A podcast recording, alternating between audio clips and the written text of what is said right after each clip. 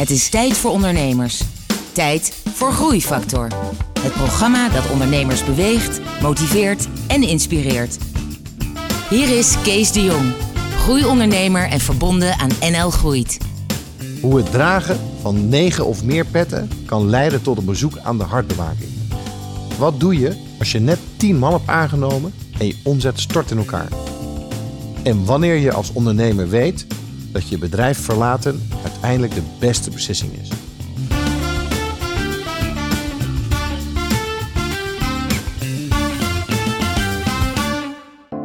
Hallo en welkom bij een nieuwe aflevering van Groeifactor. Het programma dat ondernemers beweegt, motiveert en inspireert. Met veel muziek en een openhartig gesprek met een inspirerende ondernemer. En vandaag is dat Marnix Scheus. Marnix, welkom. Dankjewel, Kees. Uh, Marnix, jij bent van het PR-bureau en nog van veel meer andere dingen. Daar gaan we het over hebben. We hebben het over je hoogtepunten, je dieptepunten, je ondernemersreis. Maar dat allemaal zo direct. Luister eerst naar Everything Will Be Alright van Faithless. Groeifactor beweegt ondernemers.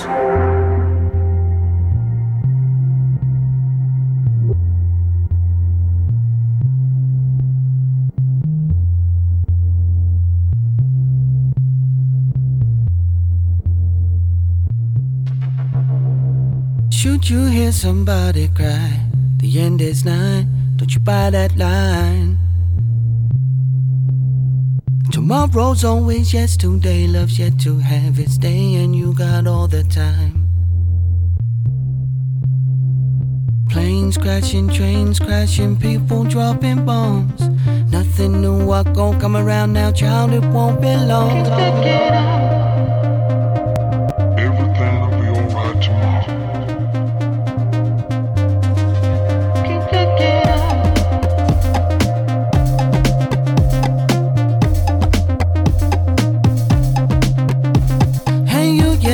Let it get to you, stressing you. It's what they want you to do. Smile a while, even though it hurts, even though it hurts. Come on, let them know there be no breaking you.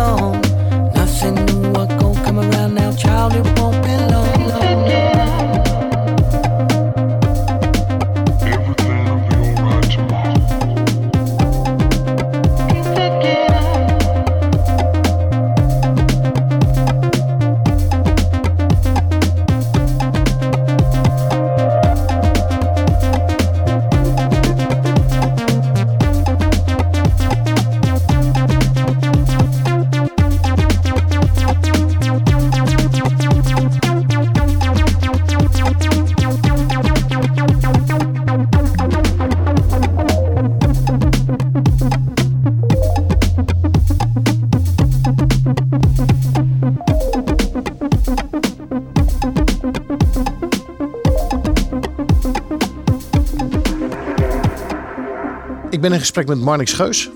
Marnix, jij bent wel een beetje een bekende ondernemer volgens mij. Nou, dat is een beetje overdreven, denk ik, Kees. Je hebt, een, eh, je hebt regelmatig op het podium gestaan. Je hebt een eh, boek uitgebracht. Eh, je hebt meerdere bedrijven opgericht. En een van de bekendere bedrijven is het PR-bureau uit Amsterdam. Ja. En je bent bezig met een nieuw initiatief, ehm, The Present Movement. Yes. Gaan we het misschien straks nog over hebben. En je bent nog met, met een aantal andere zaken actief. Ja. Is dit een beetje een, eh, goede samenvatting? Of mis ik nog iets in jouw... Nee, nou ja, dit is wel het belangrijkste. Ik, ik, ja, maar ik heb mijn aandelen in januari in het PR-bureau verkocht. En ik heb nog een paar eh, eh, andere deelnemingen, zeg maar, waar ik aandelen in heb, maar geen dagelijkse rol. Eh, ik ben actief nog op het gebied van trainen en coachen van ondernemers. Vanuit Go Fast Forward. En eh, spreekbeurtjes vanuit mijn boek. En eh, inderdaad, de andere is de Present Movement, een initiatief gericht op vluchtelingen. Ja. Dus eigenlijk spreek ik hier met een expert, een ervaringsdeskundige op het gebied van groeien eh, van je bedrijf. Want je helpt ook andere, andere ondernemers erbij. Ja. En een beetje op het gebied van krimpen van je bedrijf. Ja, zeker ook. Oké, nou, daar komen we later eh, eh, vast, wel, vast wel aan. Laten we beginnen bij het begin. Waar kom je vandaan? Ja, geboren in Tiel, daar kan ik ook niks aan doen.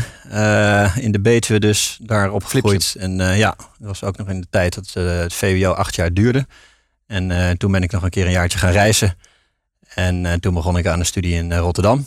En dat was kunst- en cultuurwetenschappen. En wat is dan de stap van kunst- en cultuurwetenschappen in Rotterdam naar het hebben van een PR-bureau in Amsterdam? Nou ja, maar ik heb ooit stage gelopen in, tijdens die studie. Dat zat niet in de studie, maar dat wilde ik graag. En dat was bij een PR-bureau in eh, Den Haag. Dus zo kwam ik in ieder geval met het vak voor het eerst in aanraking. En eh, nou, eh, communicatie en, en de commerciële kant heb ik altijd heel interessant gevonden. Dus dat was ook wel logisch. Ja, en dan het ondernemen nog, dat was misschien helemaal niet een soort eh, ambitie zo op de middelbare school. Ja, in zekere zin ook al een beetje ingerold. Maar het ik, ik- wilde het wel zelf doen, zeg maar. En ik zocht vrijheid en ik was wel iemand die wat weerstand had tegen de gebaande paden. Ja. Maar wanneer was dan het moment dat je dacht van nou, dit wil ik voor mezelf doen? Was dat bij dat bureau waar jij stage liep? Nou, het begon, ja, net daarna begon het. Toen was ik nog aan het studeren, maar dat was met een van mijn eh, beste vrienden. eh, Kees, eh, ook toevallig me- met een C, een familiebedrijf. Ja, En, mijn, case is met hè? Ja, dat weet ik. Oké. En, maar deze met een C, een, vanuit het familiebedrijf, een, een, een aannemer. En hij was aan het studeren in Groningen, bedrijfskunde. En samen bedachten we wel een bedrijfje starten tijdens de studie. Uit nieuwsgierigheid. En, eh, dus eh, deels zat het denk ik wel een beetje in me al. En deels eh, werd het misschien ook gestimuleerd door, eh, door zijn achtergrond. Dus in ieder geval niet mijn achtergrond. Dus een bedrijfskundige en een eh, kunstgeschiedenis of een kunst, eh, sorry, eh, ja, student. geef het een naam. die, die gingen. En, en hoe kwam je dan op PR? Of was dat wel het eerste bedrijf? Nee, het eerste bedrijf had niks met PR te maken. Eh, dat was een adviesbureau voor kennismanagement. En dat was het eh, gebied waar iedereen het toen over had. En niemand wist wat het was. En wij ook niet. maar we dachten, nou, we beginnen daar maar eens. eh, we duiken daar eens op in. En het was in wezen wel op het snijvlak van communicatie en, eh, en IT. Van hoe, hoe borg je nou kennis die je bedrijf zeg maar letterlijk uitloopt.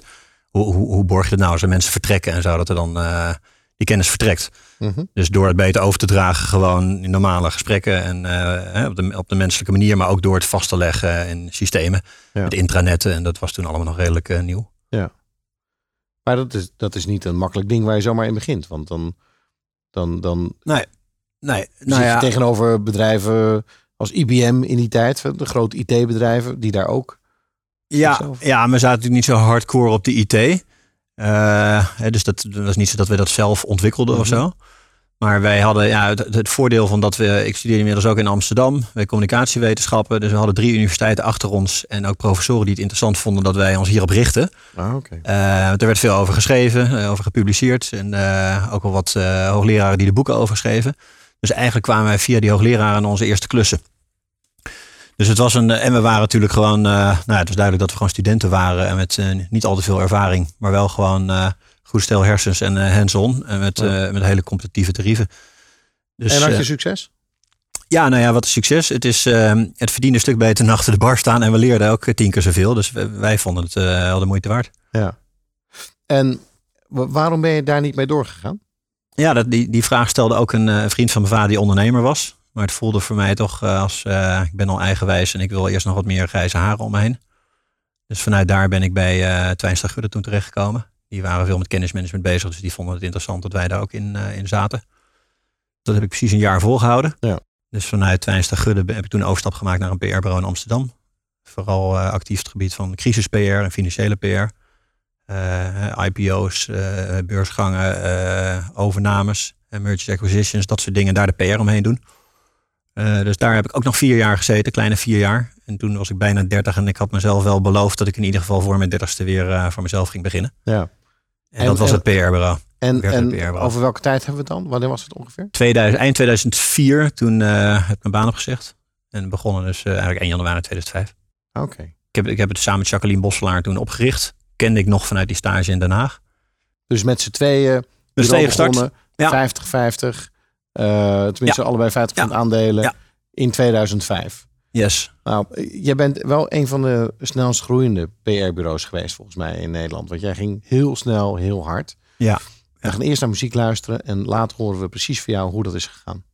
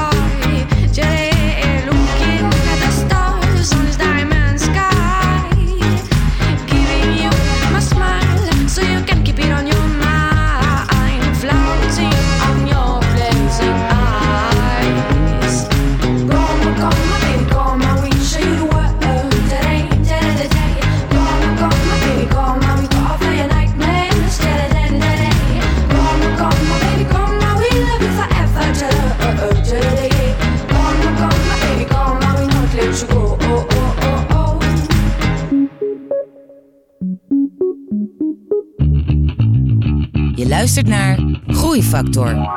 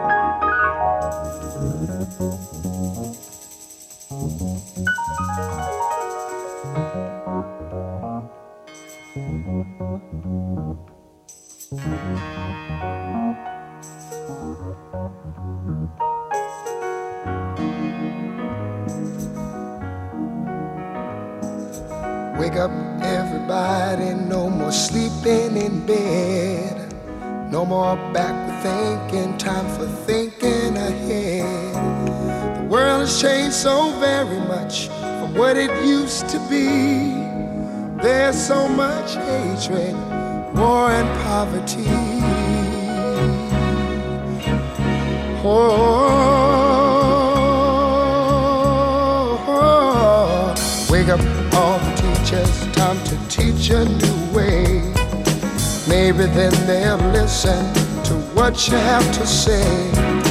They're the ones who's coming up, and the world is in their hands. When you teach the children, teach them the very best you can. The world won't get no better if we just let it be. Na na na na na na na.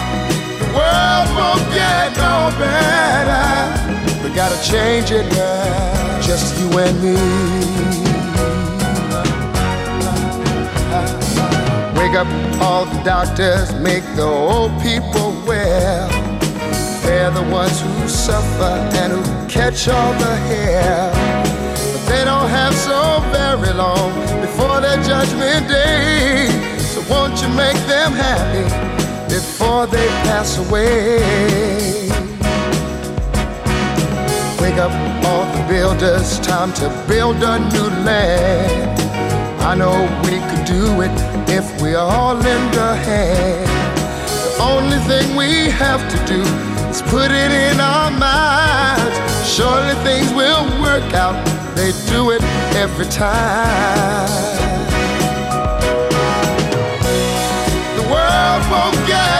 Better if we just let it be. Na, na, na. The world won't get no better. We gotta change it now, just you and me.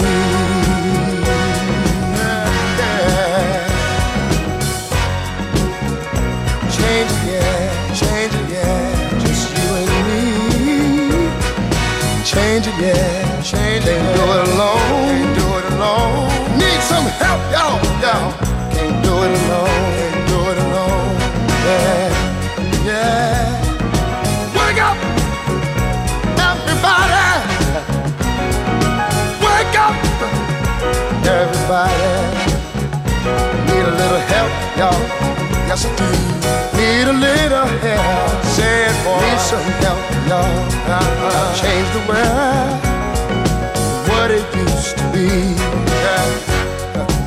Can't do it alone. Can't do it alone. Need some help, yeah. Need some help, yeah. Wake up, everybody. Get up, get up, get up, get up. Teach the babies, teach the children, teach the children, teach the babies, teach the children, teach the babies. They're the one who's coming out. Je luistert naar Groeifactor. Ik ben in gesprek met Marnix Geus van het PR-bureau en nog heel veel andere zaken. Ehm Marnix, ehm, we staan aan in 2005. Je hebt net je bureau opgericht. Ehm, en vervolgens, ja, je moet klanten krijgen, eh, mensen aannemen. Kan je iets vertellen over die begintijd? Ja, eh, ja hele, hele gave tijd. Die zich vooral kenmerkt door gevoel voor vrijheid en avontuur. En eh, ook knetterhard werken. Ik weet dat het een van onze klanten zelfs op een gegeven moment zei van... jongens, jullie, eh, ik vind het vervelend om te zeggen... maar jullie hebben echt wel een beetje bleke kopjes. Moeten jullie ook niet op vakantie? Dus we waren redelijk monomaan echt met het, eh, met het bedrijf bezig toen. En eh, ja, we begonnen, we waren drie maanden bezig. Toen hebben we onze eerste werknemer aangenomen. En daar hebben we enorm veel mazzel mee gehad dat dat echt een hele goede vent was. Van je later pas realiseerde dat die eigenlijk gewoon werk voor drie deed. Ja. Dat het heel moeilijk is om, om alleen maar van dat soort mensen te vinden. Ja. Dus dat was heel mooi. En daarna volgden eh, eh, volgden meer mensen. Eigenlijk is de groei, je zei eh, eerder al dat de, de, de, groei van, nou, dat was als bureau misschien wel eens een van de snelste groeide. Dus denk waar, maar niet eens zozeer in die eerste vijf, zes jaar of zo. Hè. Na, na een jaar, jaar of vijf waren we tien man ongeveer. En dat was ooit ook hoe we het ongeveer bedacht hadden. Ik dacht, veel groter vinden we waarschijnlijk ook niet leuk. En eh, we wilden wel echt een bureau neerzetten. We wilden niet op een zolderkamertje beginnen. We gingen kantoor huren. We wilden voor aanmerken werken, niet voor de tennisclub om de hoek. Dus daar waren we wel echt gewoon ambitieus in. Maar dat, dat echte snelle groeien kwam, eh nou, begon in 2011 in wezen. Je- el- Elk jaar erop is er dan tien man bijgekomen ongeveer. Oké. Dus daar zat een soort eh, turning point. En dan die fase vanaf, vanaf een man of tien, dat dingen anders gingen, dat die groei toenam. Ja. Hè, dat jullie groeifactor Ja. daadwerkelijk ging, eh, ging werken. Ja, Wat gebeurde er toen? Nou ja, wat er, eh, wat er gebeurde is eh, dat het voor je gevoel in één keer een beetje uit de hand loopt of zo. Hè? Dus dan in het jaar 2011 verdubbelden we in één keer. En dus de impact van, van, van 10 naar 20 man was echt wel heel groot. Het ging heel snel. En daarvoor waren we gewoon voorzichtig één, twee mensen aannemen, weer even stabiliseren en dan weer een volgend eh, stukje groeien. En dit was natuurlijk echt in één keer, dat voelde als explosief, al is die schaal nog klein. Maar Ja, maar was dat nou een besluit dat je harder wilde gaan groeien? Of was het nou, er kwamen zoveel opdrachten dat je wel moest? Ja, eerder dat laatste. Eh, maar we, we waren er wel bewust bij. Dus het oorspronkelijke plan om ongeveer een- bureau van tien man neer te zetten, nou, dat, dat was gelukt. En dan ga je natuurlijk wel hebben over van, eh, nou, willen we dit zo houden? Eh, is dat ook handig of niet? Of willen we kijken of we dat verder kunnen stretchen? We waren er eigenlijk nog redelijk voorzichtig in. Maar ja, het overkwam ons ook wel een beetje, omdat we inderdaad gewoon heel veel aanvragen kregen. En daar moeilijk nee tegen konden zeggen. En het waren ook gewoon fantastische merken allemaal. Ja. Waar we graag voor wilden werken. Jullie werden ontdekt eigenlijk door de... Ja, dus ik denk dat we, we waren een beetje stiekem, stiekem in die markt eh, een stukje gegroeid, zeg maar. En eh, we hadden zelfs nog niets in de gaten. We waren nog heel erg eh, met de spielerij bezig. En waren een soort van ambitieuze gymnasiumleerling, maar nog niet, nog niet helemaal volwassen of zo. Ja. Maar stiekem werkte wel over Coca-Cola en Samsonite en dat soort Nationaal Nederland, dat soort partijen. ja, dat zijn mooie namen. Ja, En deden jullie ook dingen anders dan anderen? Ja, een soort frisse wind binnen die eh, sector? Ja, ik denk het wel. Ehm, vooral omdat we, die, die wereld was toen in ieder geval heel erg eh, gescheiden nog. Dus je had bureaus die waren goed in corporate PR, en bureaus net in crisis PR, marketing PR. Ehm Jacqueline had meer die marketing PR achtergrond en ik die corporate PR achtergrond. En dat brachten we heel bewust samen en zo verkochten we het ook. Ja. Vanuit de visie dat, dat, dat eh, ehm, eh, de grote corporates, de zakelijke dienstverleners ook veel meer merken moesten gaan worden. Wat je later bij zo'n Accenture zag of zo. Ja. Uh, maar ook dat merken regelmatig te maken krijgen met corporate issues. Eh, en dat het niet alleen maar gaat over leuke productjes lanceren, maar dat ze wel rekening moeten houden met wat er gebeurt in dat omveld, zeg maar. Ja. Dus dat verkochten we echt ook als een, eh, als een team en dat je die disciplines dicht bij elkaar moest houden. En dat sloeg aan. En we zaten, we waren ook goedkoper dan de grotere bureaus. En dus in het begin gingen we een beetje met een soort van junior tarieven die markt op. Eh, maar het was wel meteen wel 125 euro per uur. Dus het waren niet, dat was ook wel een bewuste keuze. Ja. Toen zeiden we, we willen wel gewoon bij die top 5% horen. En we, gaan, we gaan niet onder de 100 euro werken. Nee. En daarna lieten we, lieten we dat ze snel eh, stijgen. Hey, en, en wat deed er met jouw eigen rol en functie naarmate je van 10 naar 20 naar, naar 30? Nou ja, toen merkte ik dus, eh, ging ik ontdekken dat ik het heel leuk vond om met die mensen bezig te zijn en ze te, te, te motiveren en te inspireren en te kijken hoeveel je eruit kunt halen. En hoe ze ook hun eigen dromen konden eh, waarmaken binnen onze context. Ehm, dus eh, eh, ja, ik ging heel erg, ik werd heel erg de, de people manager. Ja. Gecombineerd met ondernemerschap. We begonnen ook nieuwe bureautjes. En dat zorgde er ook voor dat we dus het grootste talent dat op een gegeven moment na een jaar of vijf misschien v- verveeld raakte binnen het PR-bureau. Dat we konden vragen, nou wil je niet het volgende bureau van ons gaan runnen nu? Ja. En dat, dat leverde hele mooie dingen op. Want dan, ja, dan heb je in één keer een bedrijfje erbij dat winst genereert waar je eigenlijk zelf helemaal niet zoveel voor, eh, voor hoeft te doen. En die mensen gaan niet weg en die worden geen Nee, die blijven in de familie inderdaad. Ja. Dus dat is, eh, dat is gaaf. En het was voor anderen ook inspirerend om te zien van dat, dat kan dus. Ze, Ja. ze, ze creëren dat soort mogelijkheden voor mensen die dat in zich hebben. Maar ik wil nog even die, dat, de groeifactor afronden. Ja. Want jullie zijn gegaan zeg maar van 10 naar 30, 40, 50. Ja. En als je hem dan weer even samenvat. Wat zijn de belangrijkste groeifactoren voor jou geweest? Ik hoorde je al jouw, jouw people management, jouw leiderschap. Ja. Eh, ik hoorde cultuur als een belangrijke driver. Ja, dat is misschien wel de belangrijkste. Eh, ook omdat als, als die cultuur zo sterk is, dan wordt het schaalbaar. Het is niet meer afhankelijk van ons als oprichters. Hè, dan, dan, dan gaat het door. Het bewijs Ja. ervan is dat ik er nu uit ben gestapt en het gaat ook door. Hè. Daar, ben- daar ben ik dan misschien wel het meest trots op. Eh, en daarnaast denk ik dat wij heel erg hard altijd aan onze reputatie hebben gewerkt. Niet altijd, niet in die eerste vijf jaar. Maar daarna zijn we eigenlijk, eh, hebben we gewoon gezegd, ja, practice what you preach. Ja. Je hebt te veel voorbeelden van ondernemers die zeggen van, eh, eh, we passen niet op onszelf toe waar we goed in zijn. Durven want de kinderen van de tandarts hebben ook gaatjes, dat soort gelul. Ja, precies. De, en we hebben gezegd, wij, wij moeten gewoon onze PR gewoon steen goed doen. Dus we hebben daar ook echt heel veel in geïnvesteerd. Ja, maar zo te horen was dat een van de, dus de oorzaken dat je zo hard bent gaan groeien. Als ik hè, vijf jaar na oprichting, dus dat was in 2010, 2011. Ja, ja, Ja. de- ja die, die, twee vooral, denk ik, investeren in cultuur en investeren in je reputatie. Dus Ja. zowel die binnen- eh, als de buitenkant. En zorgen dat die ook echt in, in lijn zijn met elkaar. Oké. Nou, ik, ik, ik vond het al heel leerzaam. Straks gaan we nog meer eh, leren van jou. Maar eerst muziek van Telepop Music. I brought you something close to me and left with something new. See through your hair, you haunt my dreams. There's nothing to do but believe. Just believe.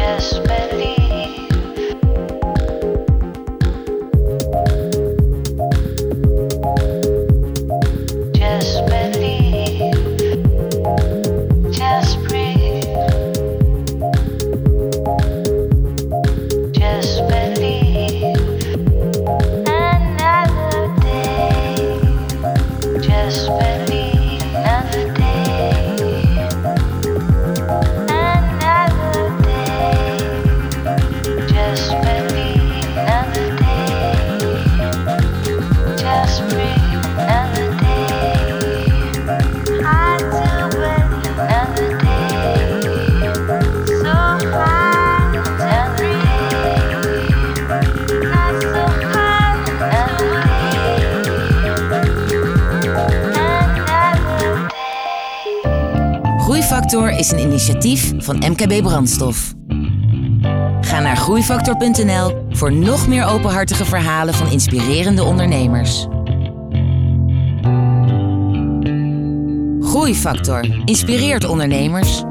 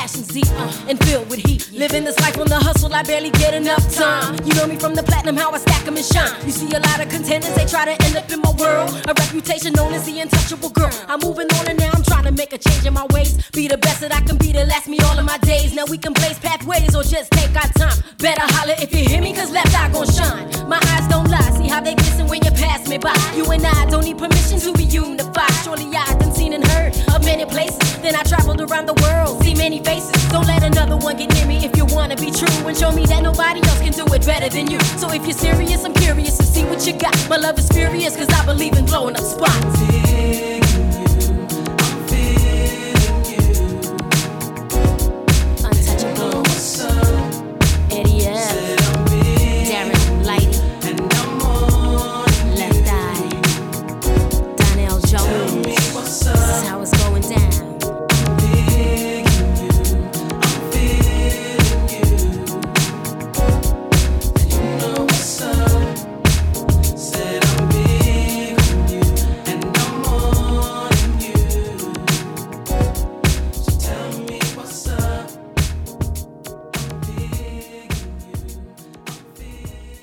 Eh, Marnix, dit is ook een eh, muziekprogramma. En we vragen Ja. eh, ondernemers ook wat muziek voor hun betekent in relatie tot hun ondernemerschap. Ja, mooie vraag. betekent Ja, ja, ja in relatie tot mijn ondernemers. Ja, ik vind muziek heel. dit is belangrijk voor mij in mijn leven. Ik Speel je ben, zelf muziek? Ja, gitaar en een beetje piano. Hoeveel veel mensen zullen daar anders over denken. Maar gitaar kan ik redelijk goed. Piano wat minder. Mijn oma's piano staat op kantoor en daar speel ik af en toe wel op. Oké. Maar eh, nee, ik, ja, mijn eh, Sonos eh, thuis draait overuren. En ik, ik heb al jaren geleden toen bij het PR ook een, toen was die BMW Zeppelin, zo'n Airplay ding was net uit. En dat vond ik ook machtig gaaf. Dan moest je je mobiele nog zo inklikken. Ja. En dan waren we aan het zwingen. En dat doet gewoon heel veel voor de sfeer. Dus ook fysiek in het kantoor, dat ding gewoon hard. Niet altijd, neem ik aan. Nee, ik, nee, ik werd, werd regelmatig mee gevraagd of die even wat zachter mocht. Ja. Ehm, ik kan mezelf redelijk goed. Ik vind het heel lekker als muziek aanstaat. En ik kan dan nog steeds weer goed focussen op mijn werk. Maar lang niet iedereen. Dus je, je ziet mensen veel met koptelefoons op zitten. Ofwel omdat ze stilte willen. Of omdat ze gewoon privé muziek willen draaien. Ja. Maar, Maar waar eh, luister je veel naar dan? Ja, nou, ja dat, het gaat echt van, eh, van de Ma- Matthäus Passion tot JC eh 99 Problems with the Bitch Ain't One, zeg maar. dus ik heb een redelijk brede muzieksmaak.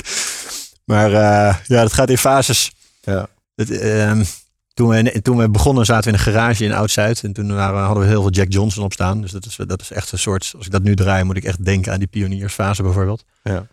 En, eh, maar ook gewoon heel veel ja, happy, feel-good muziek. Nou, Jack Johnson gaan we nu niet naar luisteren. Maar we hebben jou wel gevraagd om, eh, om iets uit te zoeken. ja, wa- Waar we naar gaan luisteren. Wat, wat heb je uitgezocht? ja, is toch James Brown. I feel good. Like you knew that, that it would. Zo is het toch? Zo is het, ja. Het is een... eh, het Want een- die heb je gedraaid ook, neem ik aan, op jouw bedrijf. Als het lekker ging, als je, een, eh, als je iets won. Of... Nou, dat is niet, niet per se ons nummer of zo. Maar het is wel een lekkere energizer en daar zijn er wel meer van.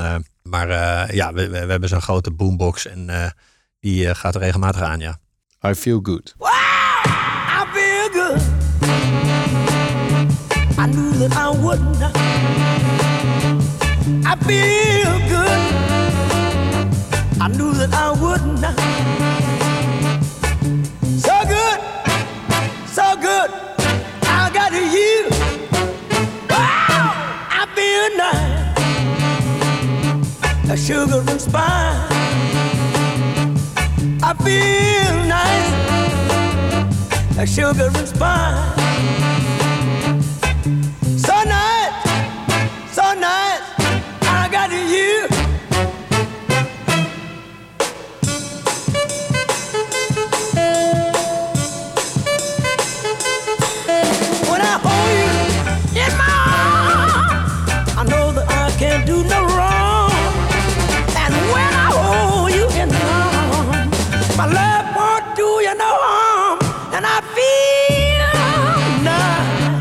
Sugar and spice.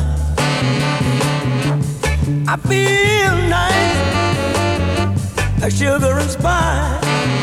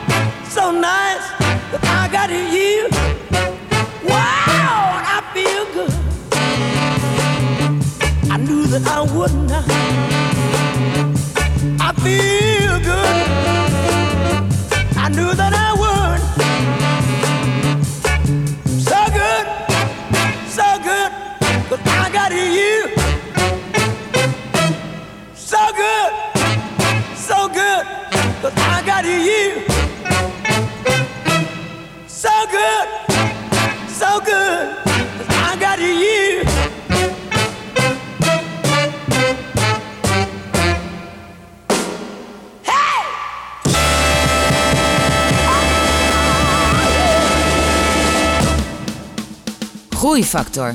Het programma dat ondernemers beweegt, motiveert en inspireert. Groeifactor beweegt ondernemers.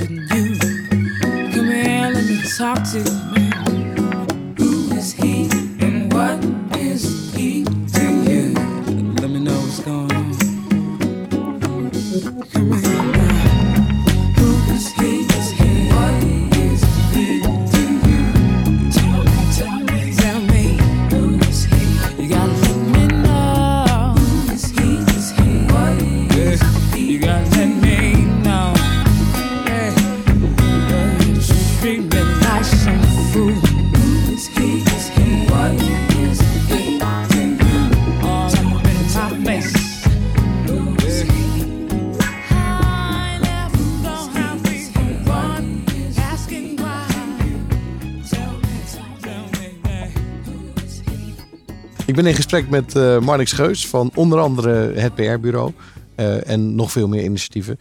Ehm Marnix, je hebt ooit een verhaal gehouden over je verschillende petten als, als ondernemer. Ja. Dat was op de, de Nationale Groei Masterclass.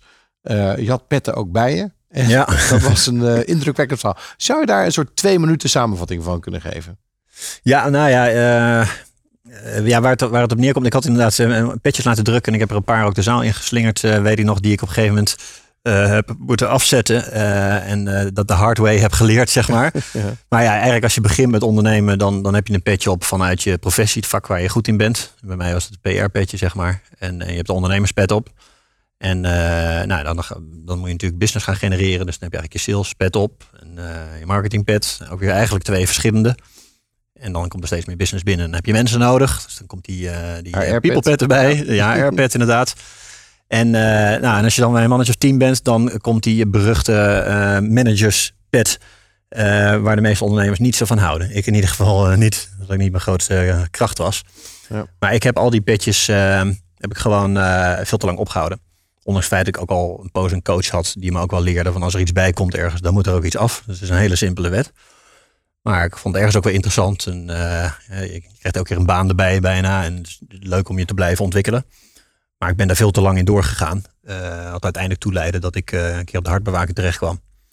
En eh, waar ik enorm van was geschrokken. En gelukkig had het helemaal niks met mijn hart te maken. Maar met veel te veel petjes op mijn borst. Ja. Wat ging drukken. Als er genoeg zijn, dan weegt het ook zwaar. Petjes werden zo zwaar als een olifant. Ja, exact. En dat was blijkbaar een bekend fenomeen ook in het OVG in Amsterdam eh, bij de hartbewaking. Want Ja, dat zeiden ze, oh, je bent zeker ondernemer. ja, dus dat was wel, wel de overdracht van het ambulancepersoneel naar, eh, naar de eerste hulpmedewerkers. Als het meneer is ondernemer, dan nou rechtdoor was het. Hè? Ja. Dus, dus dat, dat, eh, eh, nou, dat was wel een stevige les. is een mannetje of twintig in dienst. Eh, hoe, Ja. hoe, weet- hoe weet u dat? Ja, precies. dus ehm, eh, Hoe heb je die petjes? Wat, wat gebeurde er? Dus dat was een, een bijzondere shocking periode in je leven. Ja. En, en dat heeft jou inzicht gegeven om anders om te gaan met jezelf, met Ja. de petten. Hoe heb je dat aangepakt? Ja, ik, ik had de mazzel dat het wel samenviel ook met, eh, met eh, Go Fast Forward toen. Dus, dus eh, ik ging toen het boek van Fern Harness, Mastering Rockefeller Habits, nu Scaling Up heet, lezen. Die nam ik mee op vakantie. Ik zou zeggen, voor iemand die net in deze situatie komt, is dat niet de meest luchtige kost om op op Aruba op een strand waar ik toen was te gaan lezen. Maar eh, het gaf mij juist heel veel lucht, eh, letterlijk en figuurlijk. En Ja. ik dacht in één keer van, jeetje, ja, alles wat hier staat, daar ben ik eigenlijk gewoon slecht in. Dat heb ik gewoon... het is nu zo van toepassing op de schaal die we hebben. Ik moet dingen echt anders gaan doen. Ja. Dus dat was heel fijn. Maar ik heb ook toen besluit genomen dat ik er even zes weken tussenuit ging. En dat was ook heel leerzaam. Dus ik vooral heel lekker, maar het was ook heel leerzaam. Want toen ik van die eh, zes weken terugkwam, toen merkte ik eigenlijk aan het eh, team. En toen zeiden "Huh, ben je er nu alweer? En dat is natuurlijk een heel mooi iets. Die, Een dubbel gevoel geeft dat. ja, maar het was, ik, had, ik had er toch niet zo heel veel last van, eh, van mijn ego. Zo. Ze, ze vonden ook wel weer fijn dat, ze, dat ik er was. En ik dacht ook wel van, ik, ik, ik moet mijn rol ook meer, meer naar de lange termijn gaan verschuiven. Ik, ben, ik, ben, ik was toen al wat minder per se nodig in de organisatie. Ja. Dus dat is fijn om daarin bevestigd te worden dan ook. Dus het gaf me ook vooral wel een eh, lekker gevoel. Ik dacht, oh ja, dat, dat kan ik vaker doen. Ja. En het gaat erom dat ik, dat ik energie heb en houd en dat ik dat kan overbrengen op mensen. En dat is misschien wel mijn grootste toegevoegde waarde. En, en dat is dus lijden. Ja, ja. En, maar terug naar die petjes. Ja. Dus welke petjes zette je toen als eerste af? Kon Ja, je- goeie. Ja, dus- dus ik, ik, ik heb daar gewaagde, eh, voor mezelf in ieder geval gevoelsmatig gewaagde actie gedaan. Dat was eh, eigenlijk de klantenpet. Gewoon mijn professiepet heb ik afgezet. Niet in één keer helemaal, maar toch sneller dan ik op dat moment had eh, durven dromen. En ook mijn eh salespet. En het zijn allebei dingen die ergens wel een beetje ego-strelend zijn. Hè? Als je klant binnenhaalt, je zegt, nou ja, grote jongen heb ik gedaan, eh, fantastisch. En klanten goed bedienen. Nou, als je, als je dat goed doet, dan komt er meer werk uit. Dus dat is heel meetbaar en tastbaar wat je toegevoegde waarde dan is. Ik heb toch juist die dingen afgezet. Omdat ik dacht van mijn grootste kracht is toch die people kant. En mensen dingen aanleren, blijven motiveren en inspireren. En, en ik moet gewoon aan die reputatie van het bureau blijven werken en eh, eh, op het podium en dat soort dingen. Zorgen dat, dat we een magneet blijven als eh, bureau. Ja. je die marketing ook goed doen. Ehm, en het ondernemen vond ik gewoon heel leuk. Dus ik vond het leuk om nieuwe initiatieven te starten. Dus die twee heb ik toen eerst uitgegooid. En dat ging redelijk goed. Ook omdat ik mijn klanten heb betrokken uh, erin. Ik heb ook gewoon uitgelegd en advies aan ze gevraagd. Waardoor ze eigenlijk ook met mijn belang gingen meedenken. Wat ik wel heel bijzonder vond. En eh, wat ik te laat heb afgezet was het managerspetje. Dus daar ben ik, uh, ben ik later nog een keer op mijn bek gegaan. Dat ik die, eh, dat zeker omdat we zo hard doorgroeiden, dat, dat die steeds zwaarder ging wegen. Ja. En dat ik die gewoon ook echt niet meer leuk ging vinden. Omdat ik ik alleen maar over processen en zo. Dus de operatie. Ja. de uren. De, Precies, ja. De systemen, ja, ja. Daar praat ik graag straks verder met je over. Eerst gaan we luisteren naar muziek van John Mayer.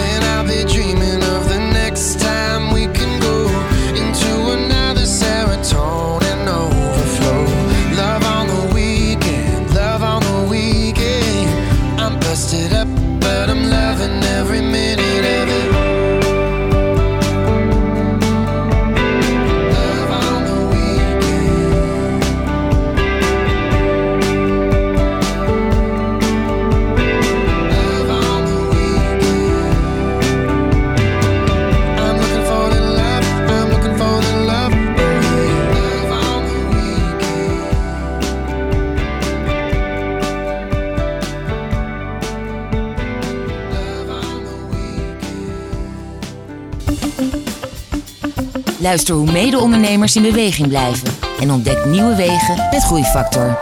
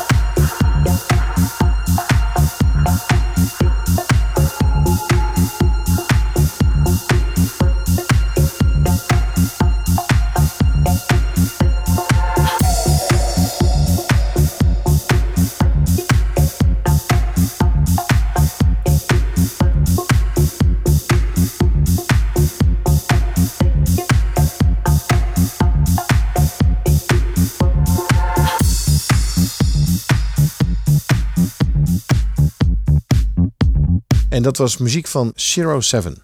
Ik ben in gesprek met Marnix Geus van het PR-bureau. Marnix, uiteindelijk, zeg maar, het bureau is, is behoorlijk doorgegroeid. Maar Ja. uiteindelijk kwam daar ook, zeg maar, het eh, beroemde pivoting eh, moment. Hè? Ja. Dat, dat de groei Valley of Death. de groei ging over naar, eh, zeg maar, stabiel. En die ging uiteindelijk over naar krimp. ja. Wat, wat, wat, wat gebeurde daar? Kan je dat omschrijven? Ja, het was, het was wel he- heel moeilijk om, om het kort samen te vatten. We hebben, we hebben natuurlijk enorm zijn we toen ingedoken en kwamen toch tot de conclusie dat het een soort perfect storm was. Ook hoe we daar het team daarin meenamen. Dat ik weet nog dat we echt twee PowerPoint slides vol met bullets hadden van allemaal dingen die eraan had bijgedragen dat we in één keer eh, die downfall kregen, zeg maar. En wel dingen die we deels hadden moeten zien aankomen. Wat, wat was het eerste signaal? Wat was het moment dat je dacht, oké, dit is geen toeval meer. We zitten nu in een, eh, in een storm of in een echt een soort achtbaan naar beneden. Nou ja, we, we hadden toen een hele grote klant erbij gekregen. Dus 2014 eh, zaten we, dat was eh, Netflix. En het was weer een ander niveau dan de Unilevers en de Friesland Campina's waar we al voor werkten. Er werden echt gewoon mensen naar Silicon Valley gevlogen. En die werden genetflixt, zullen we zeggen. Ja. En eh, waanzinnig natuurlijk. Maar we waren nog niet helemaal klaar voor die leak. Want het jaar daarvoor waren we ook heel hard gegroeid. En we, we- we moesten gewoon eerst een aantal zaken aan de achterkant beter op orde hebben. Dus we waren er gewoon nog niet klaar voor. Dus het begon aan alle kanten te kraken. En eh, qua werkdruk natuurlijk ook enorm. Daar voelde je het in. Maar we hadden ook intussen heel veel nieuwe mensen eh, binnengetrokken. Waar we bijna de tijd niet meer voornamen zo goed in te werken en, en mee te nemen in onze cultuur. Dus er ontstond ook wel wat wrijving hier en daar. We hadden zelf ook nog bedacht dat we even een eh, herpositioneringstraject ingingen met ons bureau. In datzelfde jaar. En ja, laten, we, laten we ook even een kantoor in België gaan openen. En nog weer een vierde bureau ernaast zetten.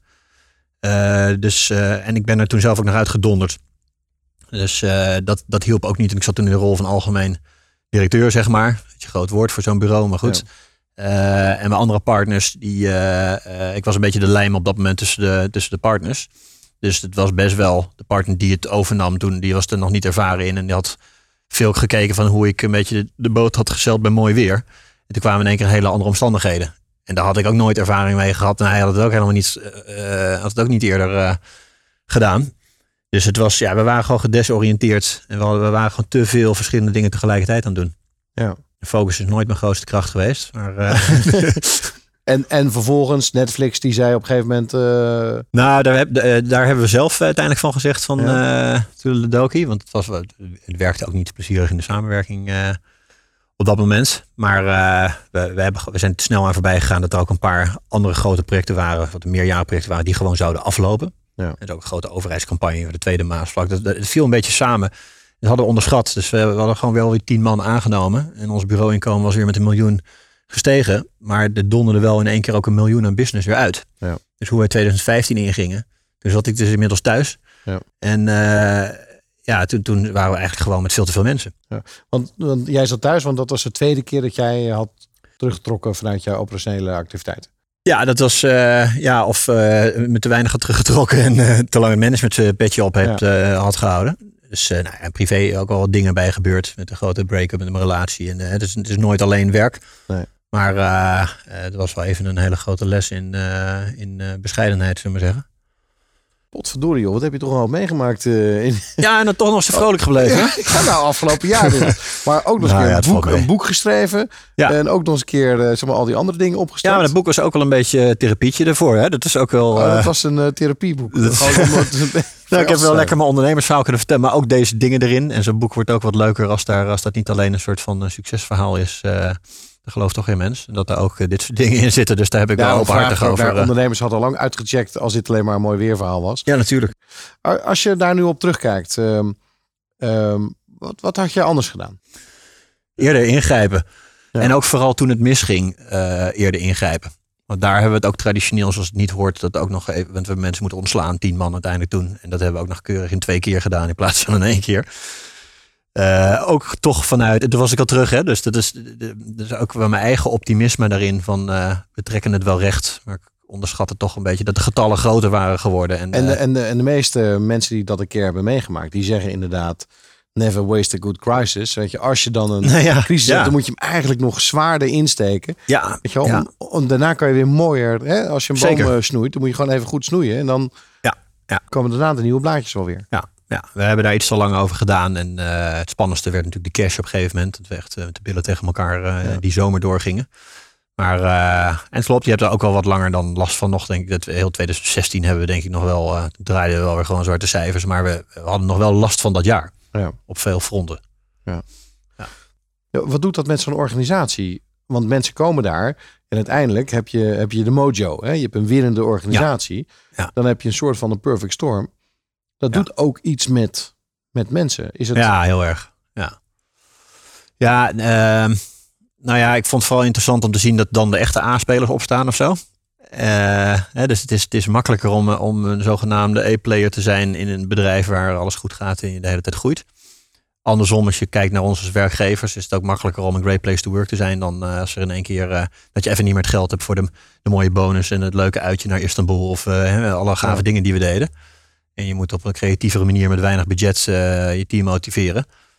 Eh, dus ja, het doet best een hoop, maar het bindt ook wel weer heel erg. En zeker denk ik als je gewoon openhartig erover communiceert en ook je eigen emoties erin laat zien. En ook zegt, ja, dit is voor ons ook de eerste keer en we vinden het heel shit en dit hadden we achteraf anders moeten doen. Eh, maar goed, de mensen die eruit moeten, ja, die reageren ook wel. sommigen zijn natuurlijk toch heel verbeten en de anderen die, die zijn... nou, die hebben uiteindelijk weer als freelancer aan ons kunnen verbinden. Hè? Dus die, die hebben we weer kunnen motiveren tot ondernemerschap. Dus heel, heel, heel wisselend wat het met mensen doet. Ja. Ja. Heb je, hoe gaat het nu eigenlijk met het bedrijf? Ja, het gaat goed met het bedrijf. En ja, ik ben weg, hè, dus dat is dan... Je storende factor is... ja, is precies. Die onrust ook. Nee, het, het, het, gaat eh, echt eh, het gaat goed. En eh, ja, het bureau staat als een huis. En het heeft, eh, ja, het PR-bureau werkt gewoon voor schitterende namen nog steeds. Het is een fantastisch team en gemotiveerd op een eh, toplocatie. Ja. Wel een stukje kleiner, maar dat is denk ik ook heel goed en past ook beter in deze tijd. Je ziet steeds minder van de grote, echte grotere bureaus. Ja. En Eh, steeds meer een flexibele schil natuurlijk. Wat je Zeker. Ja. En dan, nou ja, dat is ook iets wat je uit zo'n crisis haalt. Hè? Daar, daar hadden we het al heel lang over. En daarna zijn we het pas echt gaan doen. Ja. Nu is die flexibele schil inderdaad veel groter. Ja. Openhartige gesprekken met inspirerende ondernemers. Je luistert naar Groeifactor.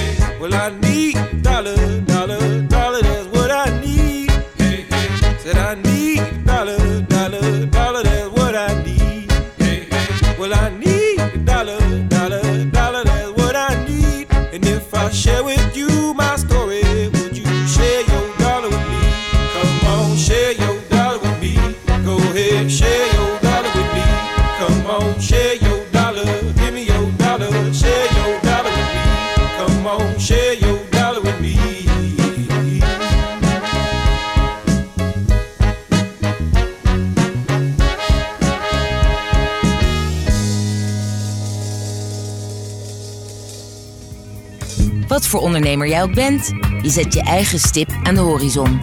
Een idee, een ideaal, een ambitie. Groeifactor helpt je daarbij, zodat je persoonlijk en zakelijk vooruit kunt. Groeifactor beweegt ondernemers.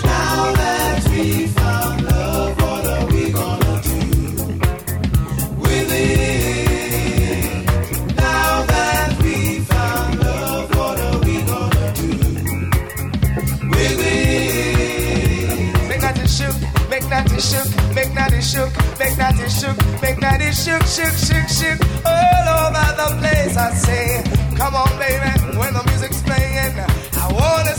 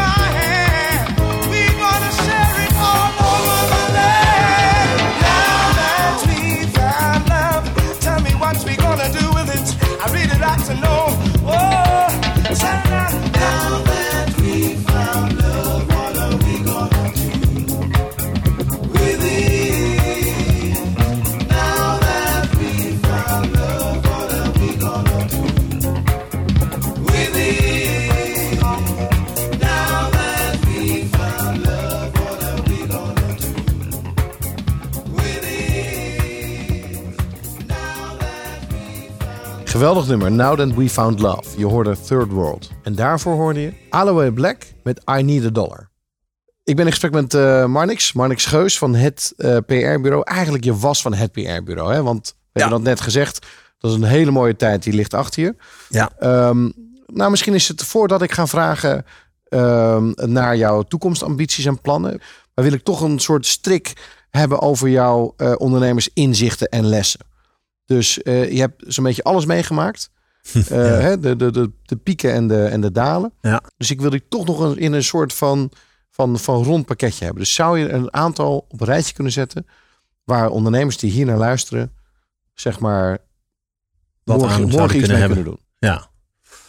Nou ja, eh, tij- tijd inbouwen in je agenda. En voor, elke ondernemer is tijd een, een issue. En, Ja. En waarvoor?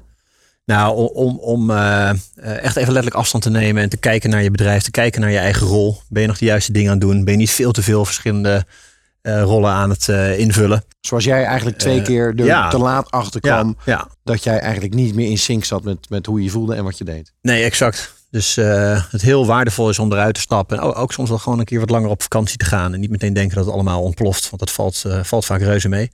Ja. Eh, Heel erg investeren in jezelf. Nou ja, dat, dat was één. Heel erg investeren in jezelf. eh dus twee, dus eh, zorg ja, dat je ook bijscholing hebt. neem deel aan En een waar, goed programma. waar begin je mee? Wat, wat, Nou ja, wij zijn begonnen met, met een coach. Dat heeft ons heel erg geholpen. Gewoon iemand die kritisch naar je kijkt. Want je team is dat, durft dat toch lang niet altijd te zijn. Iemand die, eh, eh, die een spiegel voorhoudt, eh, die je gewoon inhuurt daarvoor. En later werd het ook bij onze raad van advies. Dat we gewoon een aantal, aantal mensen hadden die, echt, die we betaalden. Die echt gewoon zich in ons verdiepten en ons ja, kritisch naar ons waren. Een beetje zenuwachtig werden als ze langskwamen gewoon. Oké, maar dat is een, dat is een goede. Huur Ja. een professionele raad van advies in, die, die, Ja. die je scherp houdt. Ja, En heb absoluut. lef om dat te doen. Absoluut. Ja, en dus, dus eh, ja, ga, naar bijeenkomsten als er inderdaad. En dan groeit doet natuurlijk ook die vliegt regelmatig grote Amerikaanse goeroes in die eh, gewoon heel veel weten over een onderwerp. Dat je in een dagtijd zoveel inzichten kunt opdoen. Ga daarheen, weet je, maak er tijd voor vrij. Het kan gewoon. Ja. Natuurlijk anders als je ziek bent, dan, dan, dan ben je ook een paar dagen weg. Dus je kunt daar prima heen. Daar heb je natuurlijk de rest van je leven iets aan. Eh, en en je, je leert er veel meer ondernemers kennen. Je hebt nu drie tips gegeven. Welke tips zie jij, of welke dingen zie jij ondernemers heel veel fout doen? Eh, nou ja, te, te, te laat eh, om hulp durven vragen eigenlijk. Ja. Dus het is, eh, de, de hulpvraag is een vorm van kwetsbaarheid en dat past niet helemaal bij ondernemers of zo. Totdat ze ontdekken dat het ze zoveel gaat brengen dat ze alleen nog maar hulp eh, inschakelen. alleen nog maar hulp roepen. Dan wordt het weer te veel. Nee, nee, en één ding zou ik nog wel willen toevoegen. Dat, dat, dat, dat is eh, dat, dat je als ondernemer ook gewoon lekker eigenwijs moet blijven. En Dat je niet klakkeloos dingen gaat kopiëren van de grote corporates vanuit de onzekerheid, de onwetendheid hoe je iets moet doen. Ook op HR-vlak en zo, weet je wel. Met beoordelingsformuliertjes en dat soort eh, vijfpuntschalen en dat soort ellende, weet je. Dat, dat past vaak helemaal niet bij, bij je bedrijf. Dat moet je gewoon niet doen. dat kan anders. Ehm, Oké, nou, dat zijn vier, vijf super goede tips. En ik zou eh, ondernemers willen adviseren om dit nog één of twee keer na te luisteren als ze twijfelen. Ehm, hey, en dan Marnix Geus, de, eh, de, de, de, de toekomst. Want je hebt een boek, je, je bent coach, eh, je, bent, eh, je bent spreker eh, en je hebt nu de Present Movement, waarin je ondernemers wil mobiliseren om de wereld beter te maken. Wat, wat is dat precies? Ja, nou, ik wil in eerste instantie focussen op eh, de vluchtelingenproblematiek. En dan eh, in eerste instantie op het eiland eh, Lesbos. Waarvan het lijkt alsof eh, grote drama's voorbij zijn. Hè. In 2015 kwam er een half miljoen mensen aan. En nu he- heel veel eh, minder. Maar er is een ander probleem. Er zitten heel veel mensen vast gewoon nu op het eiland. In een soort kampen die eh, doen denken aan eh, strafkampen. Zoals de kamp Moria. Want, want hoe, hoe heb je dit... Hoe is dit tot jou gekomen? Wanneer heb je v- verzonden? Heb je er zelf een Nou. ervaring meegemaakt dat je er was? Of? Nee, nee, ik ben er nog nooit geweest. Ik ga er in augustus voor het eerst heen. Ik heb inmiddels wel heel veel mensen gesproken. Ik heb, toen het speelde zijn er een paar mensen uit mijn netwerk naartoe gegaan. Daar was ik er nauw bij betrokken. Eh, ik ben er zelf toen niet heen gegaan, omdat ik gewoon niet fit genoeg daarvoor was. En eh, we andere onderwerpen aan ons hoofd hadden, ook Ja. met het eh, bedrijf toen. Ehm, maar ja, nu, nu wil ik daar heel graag een steentje gaan bijdragen. En vind ik het interessant om vooral te kijken naar ondernemers. Omdat dat mensen zijn die eh, vaak wel de durf hebben om dat op te zoeken. En en nieuwsgierig zijn, maar ook oplossingsgericht. En, en over middelen beschikken. Of dat nou een kennis is vanuit een bedrijf, bepaalde expertise of, of een hele team kunnen inzetten. Of dat ze eh, gewoon geld hebben om eh, anderen te sponsoren. Ja. Eh, dus ik zou ondernemers daar naartoe willen halen. Ach- 48 uur ervaring op Lesbos en met je eigen ogen kijken wat er gebeurt. Ik geloof dat ervaren leidt tot activeren. Ja. En met een soort pay it forward systeem. Dus ik, ik geef jou een vliegticket en dan ga jij daarheen en je belooft dat je daarna een vliegticket aan een andere ondernemer eh, uit je netwerk geeft. Dus uiteindelijk betaal je gewoon je eigen vliegticket, maar dit is eh, wat sympathieker. Da- daar zit de present dus ook in, zeg maar. Ehm, en eh, eh, nou, ik, ja, ik, ik denk dat, dat er heel veel vragen nu liggen waar ondernemers een, een oplossing zouden kunnen bieden. Ja, want de politiek die kan dat voorlopig niet. Of dat gaat langzaam. Ja, dat gaat, die En- sluiten deals met regimes die zich niet aan de woorden houden. Zoals je met de Turkije-deal ziet. Hè? Waardoor mensen nu vastzitten eigenlijk op dat eiland. Ja. Dus nee, daar moeten we het niet echt van hebben op dit moment. Dus Marnix eh, gaat eh, langzaam de wereld eh, veranderen op, op die manier. Klein steentje bijdragen het kan. Ja. Ja. Nou, ik vind het een heel mooi initiatief. Ik ga er ook zeker wat, wat meer over, eh, over lezen. En ja, wellicht ook ondernemers die dit horen. ik zou zeggen, kijk er even naar. ja, tof, dankjewel. Eh, Marnix, ehm, je hebt ontzettend veel informatie gegeven en tips en tricks. Van, van, van, je, van je pettenverhaal tot en met de kwetsbaarheid. Hè, dat je het zelf als ondernemer ook twee keer uitlag. Eh, Ja. Tot en met een kleine analyse inderdaad. Wat, er, eh, wat de meeste ondernemers, eh, zeg maar, waar ze meer aandacht aan zouden moeten kunnen besteden. Dus Mhm. volgens mij was dit een, een soort van ondernemerscollege. voor, de, voor degene die nu aan het luisteren zijn. Waar veel mensen wat aan hebben. Dus ik wil je enorm bedanken voor dit interview. Heel graag gedaan. En ik wens je heel veel succes met jouw toekomstige activiteiten. Ja, dankjewel Kees. Voor de luisteraars, eh, dit was eh, Groeifactor. Graag tot de volgende uitzending. Groeifactor is een initiatief van MKB Brandstof. Ga naar groeifactor.nl voor nog meer inspirerende verhalen van mede-ondernemers. Groeifactor beweegt ondernemers.